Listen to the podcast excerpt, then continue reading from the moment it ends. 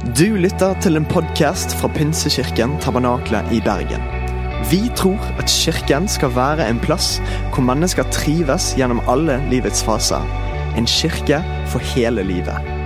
Ønsker du å bli bedre kjent med oss eller holde deg oppdatert?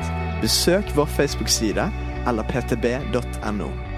Her er ukens tale. Jeg er veldig glad for at jeg i en alder av da jeg hørte at Sandra nevnte at jeg var mellom 50 og 60. Jeg er nærmere 60 enn jeg er 50. Jeg er 58 år, født i 59. Og um, et privilegium å få lov da i den alder å snakke til folk som dere. The students. Veldig bra. Um, og jeg ber bare om at jeg skal få lov til å dele hjertet mitt i dag, for det er det jeg har lyst til. Jeg skal ikke holde noe dyp uh, dypt foredrag og teologisk sånn, grave langt ned i et eller annet sted.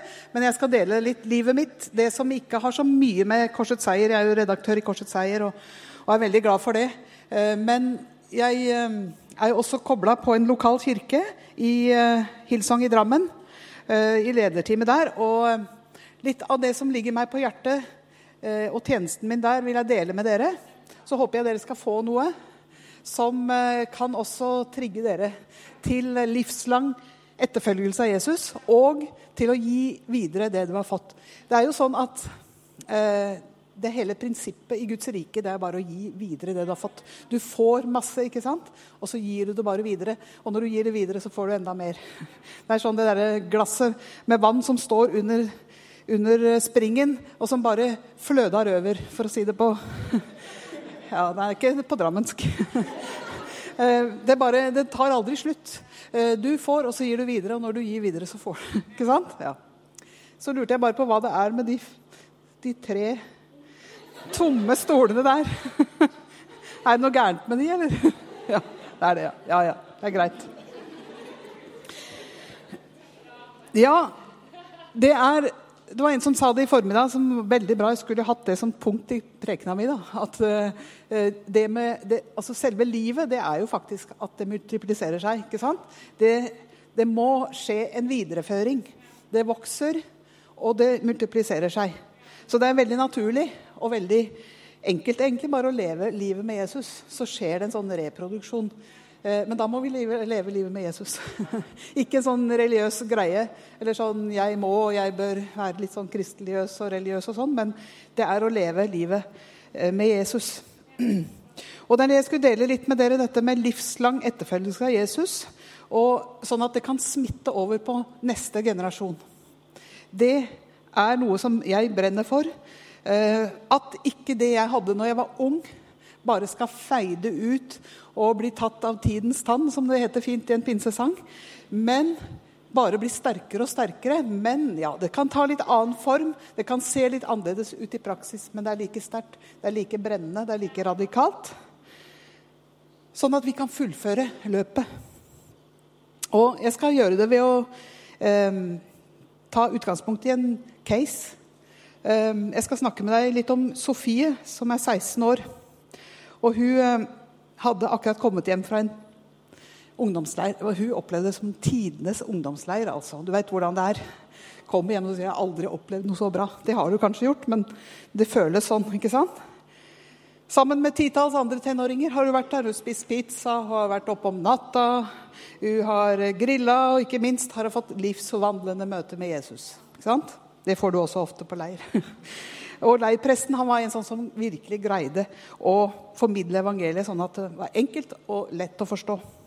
Men så kommer du tilbake, da. Du veit hvordan det er å komme tilbake fra leir. Ja, Det er enda verre enn å komme hjem fra sånn folkehøyskoleår og sånn. ikke sant? Du føler at du er helt lost. Men hun kom hjem fra, fra leir, tilbake i hverdagen, uten de rundt seg som hun var vant til å ha der. Foreldrene til Sofie er skilt. Mora har faktisk vært gift og skilt tre ganger, og, så nå bor Sofie hos faren sin. Og han er ikke særlig begeistra for at Sofie går i kirken, eller kaller seg kristen. Og det gir hun uttrykk for ganske ofte.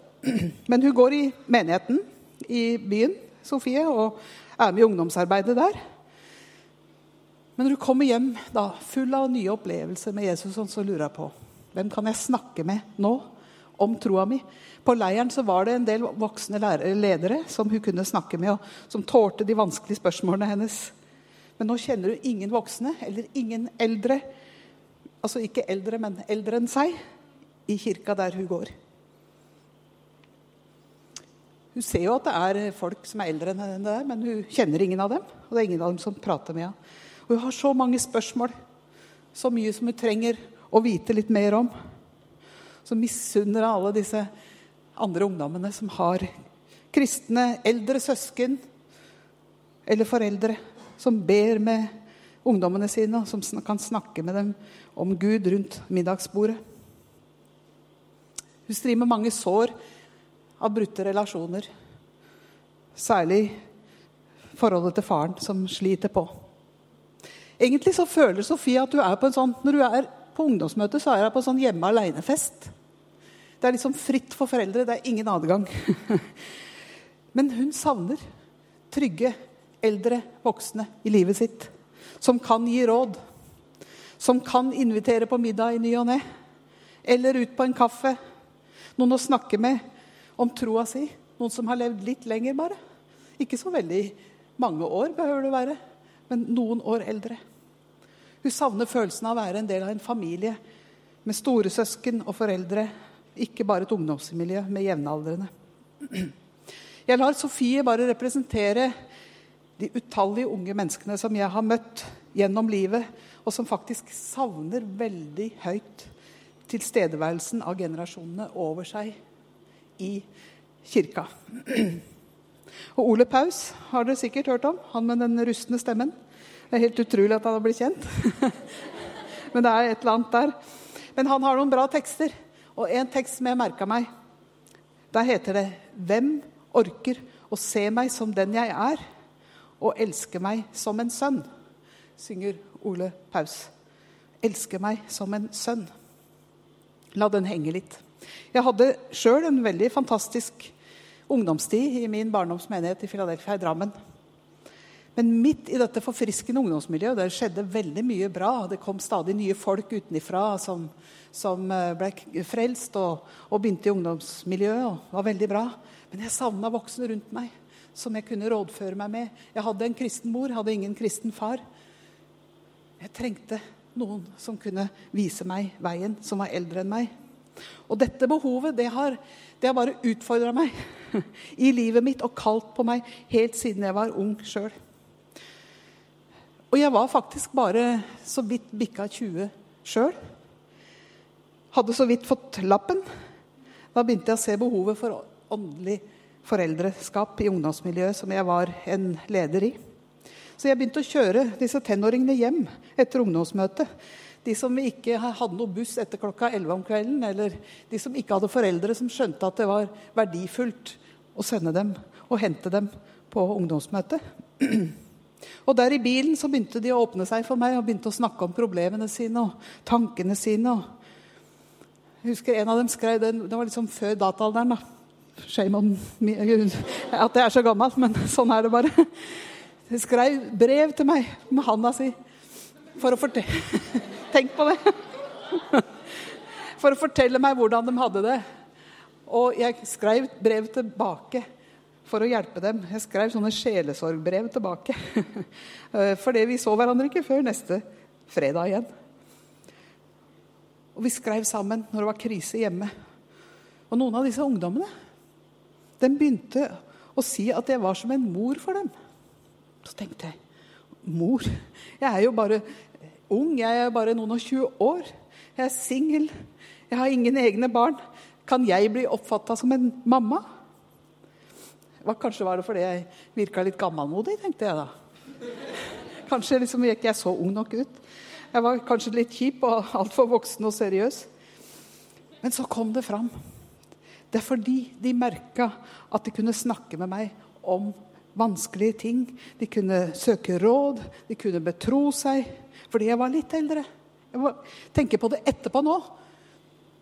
Så tenker jeg jeg var jo så ung. Åssen greide jeg dette her? Men jeg var bare noen år eldre. Jeg hadde litt mer erfaring. Jeg hadde gått noen år ekstra med Gud. Jeg kunne dele livet med dem sånn som det var for meg. Og for dem så blei det en sånn slags morsrolle. En voksen som kunne modellere gode trosvaner, vise omsorg for dem, ha tid for dem og gi dem følelsen av å bli sett, at de var viktige for meg. Og det har jeg sett gang på gang. At uh, det er ikke akkurat de perfekte svara og den fantastiske liksom, rikdommen av visdom som du kan dele. Men det er rett og slett å sitte og se noen i øya og lytte til hva de har å si, og la dem få kjenne at de er viktige for deg. Og fra den tida, i 20-åra, så forsto jeg hvor viktig det var, og hvor stort behov det var blant den unge generasjonen å ha noen i livet som ser dem, som viser omsorg, som lytter, og som gir råd i samtaler og møter. I tillegg så blei det veldig klart for meg at det er faktisk ingen aldersgrense for å være en åndelig mor eller far, eller la oss kalle det åndelig storesøster eller storebror. Fetter, eller Ja. Vi snakka en del i formiddag om det å være åndelige foreldre. Og hva er det egentlig? Er det noen som er veldig åndelig? Er det det som, eh, som betyr åndelige foreldre? Er det, eller er det rett og slett noen som har valgt å investere tid og omsorg i noen som trenger det? Rett og slett. Kanskje du kan være med å redefinere hva en god pappa eller mamma kan være for noen. Og kanskje åndelighet rett og slett bare er det at du gjør noe med den troen du har fått. At du gjør noe i din hverdag med det du tror på. At du lar troen rett og slett få konsekvenser i måten du lever livet ditt på. På hvilken måte da, sier du. Jeg, jeg, jeg tenkte jeg måtte lese noe som jeg skrev i denne her, som dere lagde, som er så bra. Det handler om å tørre å leve gjennomsiktig. Det var så liten skrift, så jeg måtte bruke brillene. Men jeg skriver her dette med å leve som et forbilde. Så står det 'Hvordan involverer jeg Gud i min økonomi', f.eks. Det kan du gi videre. Og mine prioriteringer. Det kan du gi videre. Hvordan kobler jeg med Gud når motgangen kommer? Når noen ser deg? Hvordan kobler jeg med Gud når utfordringene står i kø? Hvordan snakker jeg om mennesker som har skuffa meg? Hvordan behandler jeg kjæresten min eller ektefellen min? Hvordan preger troen forholdet til mennesker rundt meg? Hvordan oppfører jeg meg når jeg har lita tid å stå innesperret i bilkø? Hvordan er språket mitt? Hvordan er mitt forhold til materielle ting? Hvordan setter jeg grenser for hva jeg tillater skal påvirke mitt eget sinn og tanker? Du skjønner, Det er noen som ser deg. Det er noen som følger etter deg. Du kan modellere et ekte liv med Jesus for de som kommer etter deg. Hvordan formidler jeg hvor viktig det er å verne om hjertet sitt framfor alt annet, sånn at man kan være forberedt på det Gud planlegger å bruke livet vårt til? Det står i Galaterne 6,9.: La oss ikke bli trøtte av å gjøre det gode, for i rett tid skal vi høste. Kanskje du kan høste ved at du tenker at ditt liv gjennomsiktige liv har effekt på de som kommer etter deg. De som er yngre enn deg. Du har noen som du kan vise veien om hvordan livet kan leves med Jesus i de små, enkle, hverdagslige tinga. Du vet, Når vi snakker om åndelighet, så er det liksom så svært, men egentlig så koker det ned til våre hverdagsliv og hva slags fortegn vi har på våre liv i det mandag til fredag-livet som vi lever. Paulus sier det i 1. Korinterbrev 4, 15-16. Det tror jeg er det første vi har på, på skjermen. For om dere som kristne har tusen lærere, har dere ikke mange fedre. Altså det er behov. Det er etterspørsel. Så sier han det var jeg som ble fa deres far i Kristus Jesus da jeg ga dere evangeliet. Så, jeg, så sier jeg ha meg som forbilde. Så Paulus her, han etterlyser fedre. Han etterlyser storebrødre, storesøstre, mødre. Som kan ikke bare si at dette er rett, dette er galt, sånn må du gjøre, sånn må du ikke gjøre, men som går inn og faktisk går sammen med noen på langs en vei. Og så sier han at det er altfor mange som lærer, men det er så få som er fedre. Jeg er så heldig at jeg får lov til å være coach og veileder for ungdomslederne i, i Hillsong i Drammen, der, jeg, der jeg er med i lederteamet. Det gjør jeg at jeg har neste generasjon veldig tett på livet mitt. Det er så fantastisk. Jeg spurte faktisk eh, pastoren vår om jeg kunne få den funksjonen i lederteamet. Ja. eh, fordi at vi har en fantastisk flott ungdomsflokk i Drammen. Den vokser som bare det. Men ungdomslederne de er ja, de er dedikerte, de er helhjerta, de står på og gir alt. Men de er også unge, og de er veldig ferske. Og de har en voksende ungdomsflokk som Ja, du vet åssen det er. Noen ganger så kan du miste helt grepet, for det er altfor mye bra som skjer på én gang. Ikke sant? Så jeg sa til pastoren vår jeg ønsker å være der for dem, være en sånn litt rådgiver. De kan komme hjem i stua mi og sitte, og så kan vi snakke sammen om utfordringene. Jeg har jo jobba noen da, decades som litt sånn i ungdomsarbeidet. Jeg blei aldri ferdig med ungdomsarbeid. Jeg holder på enda. Så de kommer. Eh, jeg skulle ønske egentlig at mange flere, også i generasjonen under meg, så dem. Jeg er jo 58. De kunne vært barnebarna mine, noen av de der. Ikke sant? Men de unge voksne, 20-plusserne, sånn som dere, eller kanskje de som har allerede etablert ekteskap og hjem, men som fortsatt er ungdommelige. Tenk om de kunne investere tid i de som kommer etter. Invitere dem inn i livet sine.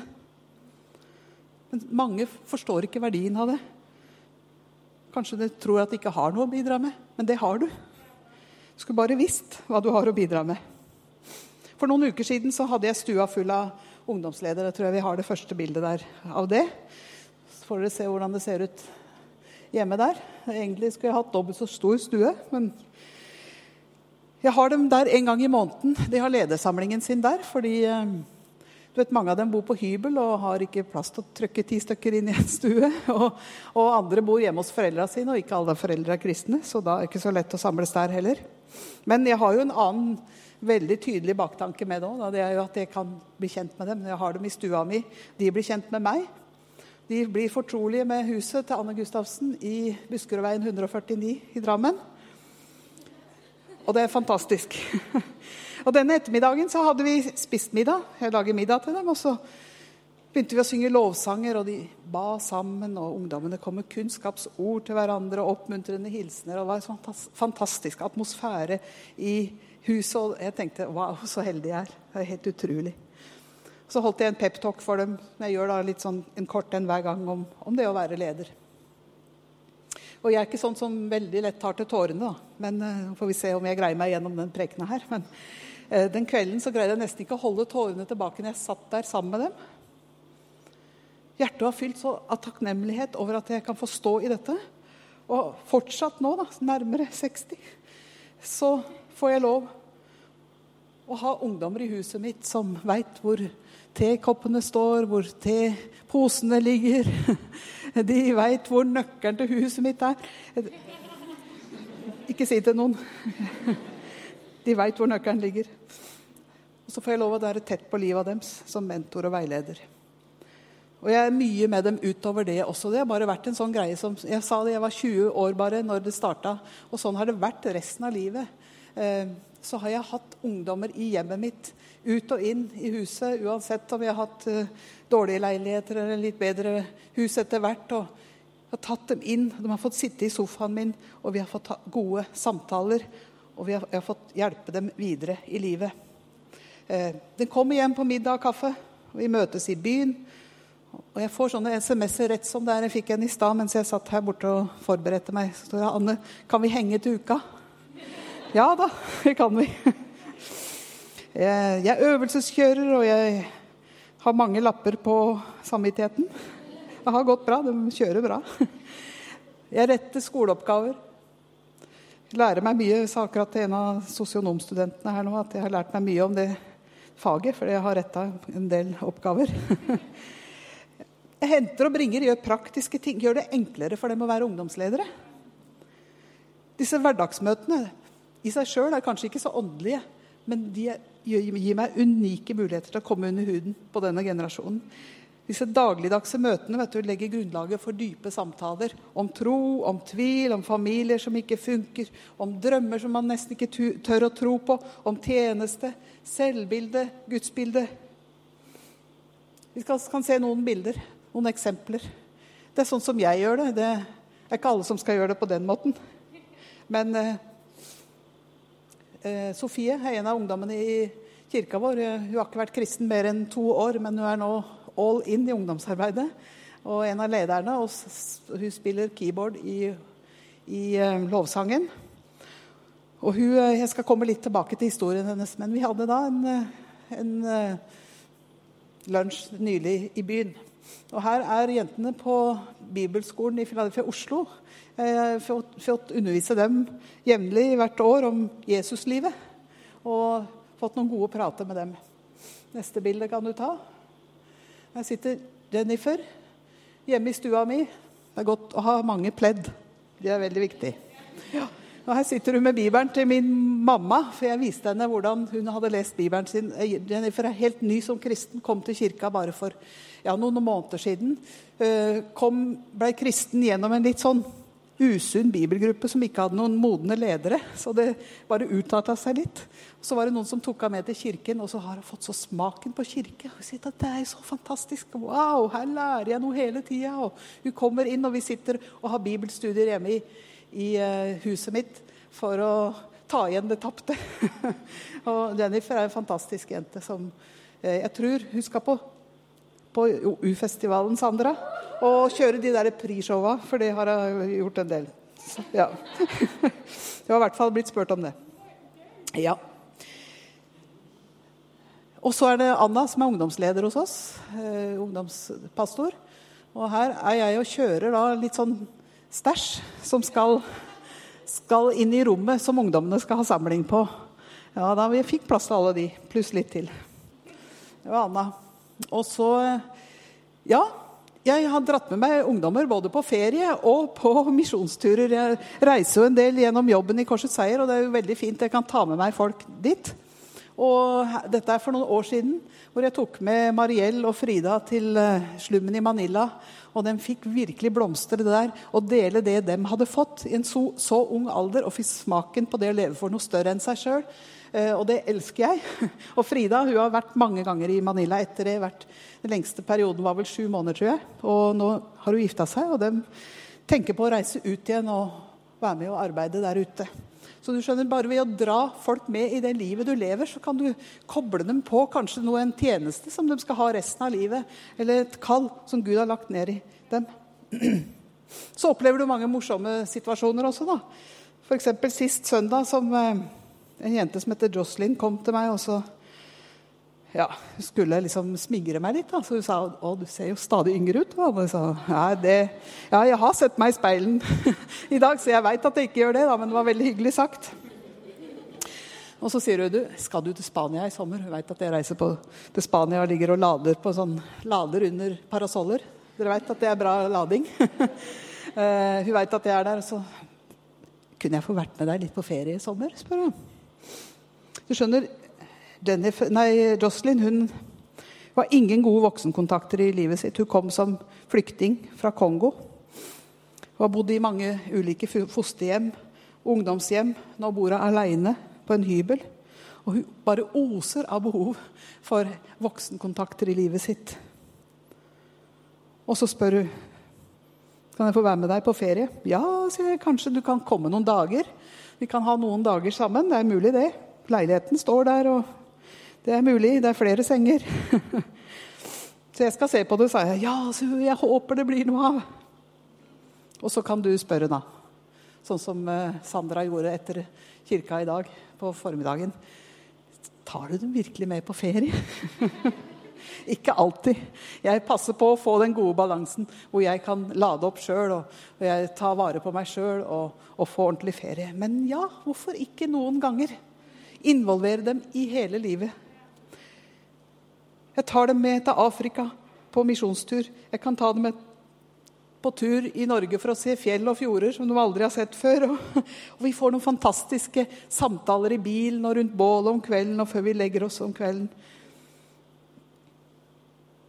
Kan sitte hjemme også og hjelpe dem å lage budsjett når de skal flytte på hybel. Det er ikke så lett. Hvis du ikke har foreldre hjemme som kan hjelpe deg, hvordan skal liksom penga dine vare en hel måned? Hva var det Paulus sa til Timoteus? Timoteus var en sånn trainee og disippel av Paulus. Så sier han Paulus til Timoteus i 2. Timoteus 3,10 at Timoteus har etterfulgt min lære, min livsførsel, min hensikt, min tro, min tålmodighet Ja, alt det der er jo bra. Og min kjærlighet. Men også min utholdenhet mine forfølgelser, altså problemene mine, har han sett. Mine lidelser, forfølgelsene. Alt det som butter. Alt det som ikke går av seg sjøl. Eh, Timoteus har sett meg også når jeg er fortvila, når jeg ikke ser løsninger. Hele livet. Tør vi å ha folk innpå oss på den måten at de kan få se at livet med Gud fungerer i alle situasjoner? Jeg bare ber Gud at han skal passe på meg, sånn at jeg holder fokus, så jeg ikke blir tatt av den komfortlysten og sier nei, ditt og ikke lenger. Ikke kom inn på meg. Nei, dette vil jeg ha for meg sjøl. Ikke, ikke, ikke se meg nå. Nei, jeg vil være Jeg har lyst til å se en generasjon som følger etter. Og jeg har lyst til å tørre å si 'se på meg'. Ikke fordi jeg tror jeg er noe i meg sjøl, men jeg tror at Jesus gjennom meg kan vise til noe som er større. Så Gud, hjelp meg å fullføre løpet for min egen del, men også for de som kommer etter. Og I 2. Timoteus 4,7 så sier Paulus om sitt liv.: Jeg har stridd den gode strid, fullført løpet og bevart troen. Skal vi fullføre løpet, og så skal vi bevare troen like brennende som når vi var unge, radikale tenåringer. Det har blitt en bønn i mitt hjerte. Hvordan jeg kan holde helt hele livet ut. Det starta, tror jeg, egentlig med min mor i min familie. Jeg har et bilde av henne. Ungdomsbilde. Hun er hjemme hos Jesus nå, men hun var et sånt forbilde for oss. Hun ble frelst under krigen, og hun, eh, hun levde et sånt autentisk hverdagsliv med Jesus hver dag. Hver gang det var trøbbel, så gikk hun på kne hun var aldri borte fra en eneste søndagsgudstjeneste. Hun vitna frimodig i familien sin, som, hvor ingen andre var kristne. Også når det kosta noe, så sto hun for Jesus, og hun overførte det samme til oss. Og jeg husker når hun lå på sjukehuset på det siste, så kom David, David Hasløy, nevøen min. og Han var ikke gamle gutten, men han kom og ba mormor om å legge hendene på hodet hans og velsigne han. Og jeg vet ikke hva han tenkte om tjenesten sin videre og det han skulle inn i, men han skjønte i hvert fall at han trengte generasjonenes velsignelse. Og jeg husker seinere, David var 16 år, så kjørte jeg han på fest på lørdager.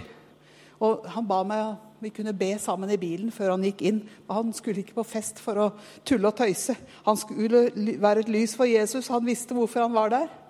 Han ba for vonde knær og for kjærlighetssorg og, og alt mulig rart. Og han var så frimodig og snakka om Jesus. Så det forundrer meg ikke at eh, David han har blitt den som bygger Guds rike og bygge kirken. Og han var sånn ganske ung at hvis du gikk over Bragenes torv i Drammen sammen med han, så kom du nesten ikke over på andre sida, for han kjente hele byen. Og han var så frimodig. Generasjonene arven fra min mor over til neste generasjon, og så til neste generasjon. Og I mitt hjerte så har det hele tida vært en sånt rop. Gud hjelp meg å leve sånn at han og alle andre som kjenner meg, får lyst til å følge etter. Og det var faktisk sånn at da jeg var 50 og Nå ser jeg tida går kjempefort, da, men Da jeg var 50, så tok jeg et nytt rykk, og det er, tror jeg er veldig viktig innimellom. Fordi at når vi blir 50, har vi lett til å lene oss litt tilbake ta litt sånn eh, Ja, vi, vi, bor sju måneder i Spania og koser oss. Og så kanskje vi stikker innom en gudstjeneste når vi er hjemme og skal vanne blomstene. Og så. Men det var sånn at da hadde de oppgavene som jeg sto i, eh, feida litt ut. Og så satt jeg der litt sånn på benken og tenkte hva skal jeg gjøre nå? Skal jeg gi meg nå? Er det over, liksom? Er det, det, det, er det beste bak meg nå? Heldigvis så sa Gud nei. Det er ikke over. Og da bestemte jeg meg for at jeg skulle bruke resten av mitt liv særlig til å være noe for neste generasjon. Og investere i dem. Og den tjenesten jeg har nå, den er så rik. Å være sammen med de unge i Drammen og hjelpe dem å være gode ledere for den generasjonen. Det holder meg levende. Du vet, du, du lever når du, når du bare må ha for å gi videre. Da blir det ikke dødt. Da blir det ikke uekte eller falskt. Da blir det ekte, og det holder, og det funker. Du skjønner, Når du møter tenåringer som står i en utfordrende hverdag, da må det funke for deg sjøl. Og Bibelen utfordrer oss til å leve sånne bærekraftige liv som har effekt langt utover vår egen levetid. Og det ønsker jeg. At jeg skal leve et sånn bærekraftig liv hvor mitt liv kan få frukt inn i andres liv og framtid. Og da må vi være påpasselige. Det står i Høysangen kapittel 2 og vers 15 så står det noe om noen eh, små rever. Jeg vet ikke om du har lagt merke til det. Men det står om disse små revene som kommer og stjeler fra vingårdene. Fang revene for oss, står det. De små revene som ødelegger vingårdene. Våre vingårder står jo i blomst. Du skjønner, Det er så mange ting som vil stjele fokuset ditt. Og det kan være kanskje tilsynelatende viktige ting òg jobben din, karrieren din, relasjoner, økonomi, ferier Det kan være så mange ting som sniker seg innpå der, og så tar de fokuset ditt uten at du merker det. Disse revene skjønner du, de kommer sånn, bare, de er kjappe og usynlige, og så bare snapper de til seg, og så merker du ikke at du har mista det før det er borte. Det er ingen av oss som planlegger å koble seg av. Og jeg tenker, i deres generasjon akkurat nå så er det en veldig viktig sak. For alle sånne overganger er, er viktige. ikke sant? Dere er ikke tenåringer lenger. Dere er, dere er voksne unge. Det er lett å hekte seg av. Det er lett å spore av, koble seg av. Umerkelig, gradvis. Du endrer deg kanskje fra å være en, en, en medspiller til en tilskuer. En som bare observerer, en som sitter og bare kritiserer, eller en som bare mener. Istedenfor å være midt i det, en deltaker som bidrar til at Guds rike vokser. At de som kommer etter deg, skal blomstre, at de skal se større ting enn det du har sett. At de skal komme inn i enda sterkere ting enn det du har sett. Og det er én en eneste ting som gjør at vi kan leve i det trøkket dag ut og dag inn gjennom hele livet. Det er å holde deg nær til Jesus. Og det å si ja, det har vi hørt før. ja da, det har, håper jeg du har hørt før. Men det er så viktig.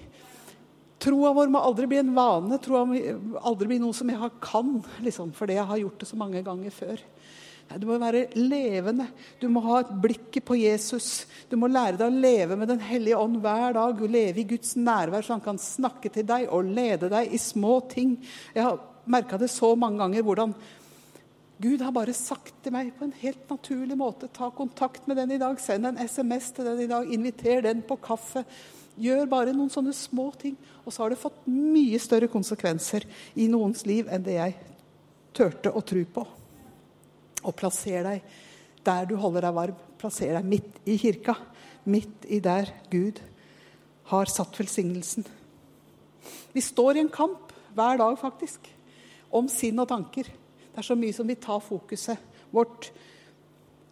Så det er ikke til å undres over at vi blir bedt i Guds ord om å ta hver tanke til fange under lydighet mot Kristus.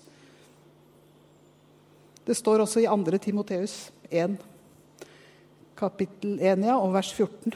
Ta vare på den vakre skatten som er betrodd deg ved Den hellige ånd som bor i oss. Du skjønner, Vi har fått en vakker skatt.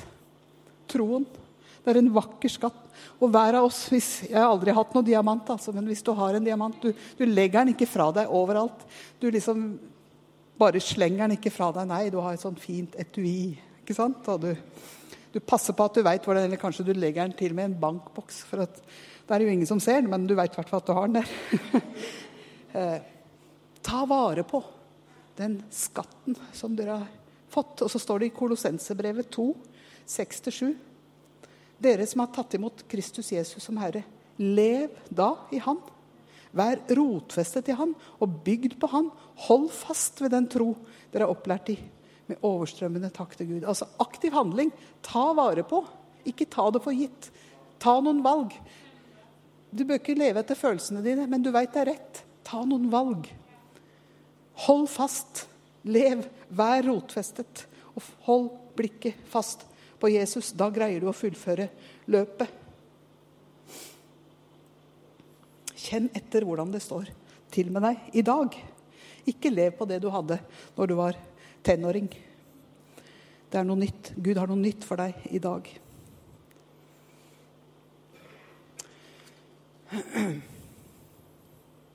Husker du Sofie? Nå hopper jeg litt. Vi kan gå til slides nummer 16. Ja. Da jeg satt på første benk i, i eh, Hillsong i Drammen for, noen, for tre søndager siden, så, så, så jeg bare Sofie stå der og, blant, bak keyboardet og spilte det lovsang. Og det er bare en opplevelse se hvordan hun Hun, er bare helt, hun greier nesten ikke å stå stille. Sånn, hun skjønner nesten ikke at hun treffer tagentene noen ganger. For hun er bare helt med. Sånn, ja, Og så er hendene opp der og spiller med høyrehånda. Hun er så med. Og når jeg så henne der, så bare kjente jeg yes, jeg må være der for hun. For Sofie har ingen kristne foreldre. Hun sliter med effekter av et oppløst hjem, og jeg har fått lov til å fortelle det. Dette er bare noen dager siden vi satt på torvet i Drammen. Hun kommer ofte hjem.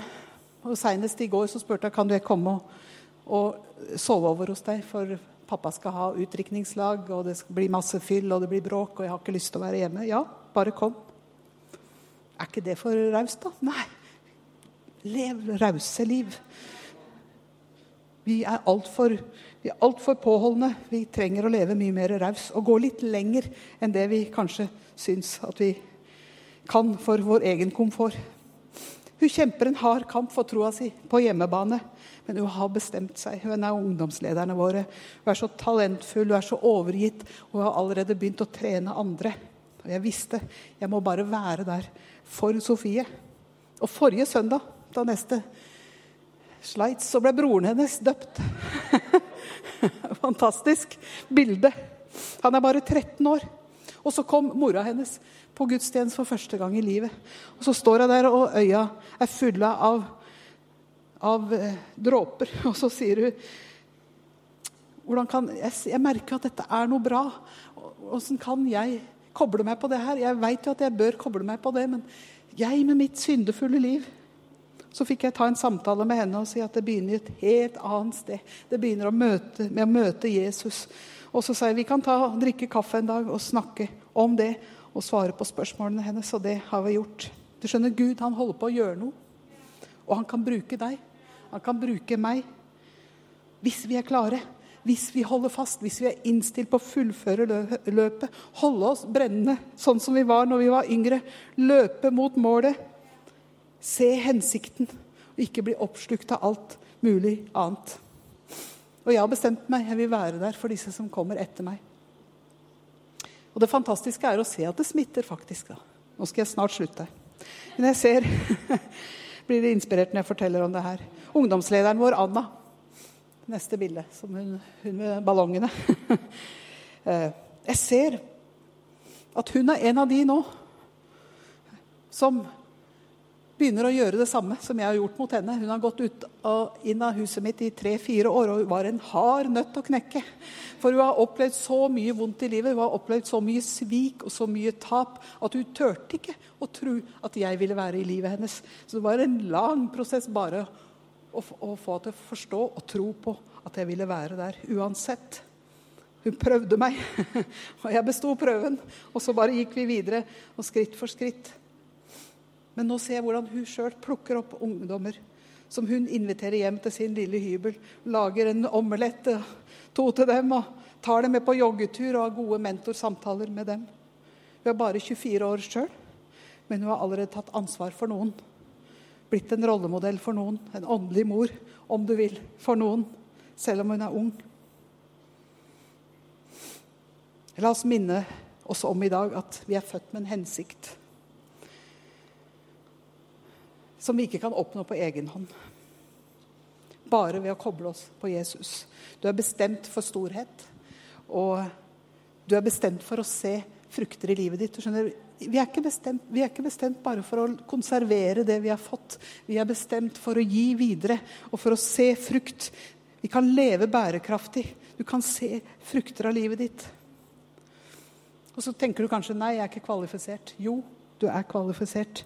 Vi har en Gud som fryder seg over oss, over våre styrker, over våre gaver. Men han bøyer seg også ned til oss i vår svakhet. Og han sier når du er svak, så er jeg sterk. Jeg kan til og med bruke svakhetene dine. Jeg kan til og med bruke det som har såra deg i livet, det som har vært vanskelig i livet. Og så kan jeg gjennom det gi håp til noen andre. Du skjønner, Gud han er typen som han trosser alle odds og gjør alt som skal til for å sette deg i stand til å nå det potensialet du har, og som du kan gi videre. Alt han trenger, er hjertet ditt. Dere som kan, leder i lovsang, kan komme. Det står i Efesene 3,20 faktisk et løfte til deg. Som kan få deg til å løfte blikket fra omstendighetene og umulighetstanken din om at 'jeg kan aldri bety noe for noen'. Da står det at han som er i stand til å gjøre langt mer enn alt det vi ber om eller forstår, etter en kraft som virker i oss. Han tilhører æren i menigheten som er i Kristus Jesus, gjennom alle slekter. I evigheters evighet. Du skjønner, det fins en Gud som kan gjøre mye mer enn du engang tør å be om gjennom ditt liv. Du kan være en kanal for Guds velsignelse inn i andre menneskers liv. De som kommer etter deg, de kan få se. Sånn som jeg, vi så vår mamma, som trossa alle odds og bare var en frimodig kristen. Og jeg har bestemt meg, jeg vil vie alle mine dager for å tjene ham. Jeg vil leve i forventning til at han kan bruke meg. Jeg vil leve så nær Gud at jeg kan leve den dusjen av Den hellige ånds nærvær i livet mitt. Sånn at jeg kan gjøre plass til andre. At jeg kan få et større hjerte som har plass til enda flere. Du skjønner, Guds planer og hensikter med deg og meg er mye større og overgår våre villeste drømmer. Så vi må bare si, 'La det skje, Gud. Jeg er her, jeg er disponibel.' Så vær frimodig. Tør å være en åndelig storebror eller storesøster. En som gir videre det du sjøl har fått. Så enkelt er det. Så vil Gud gi deg det du ikke engang tør å drømme om. Så Gud velsigne deg.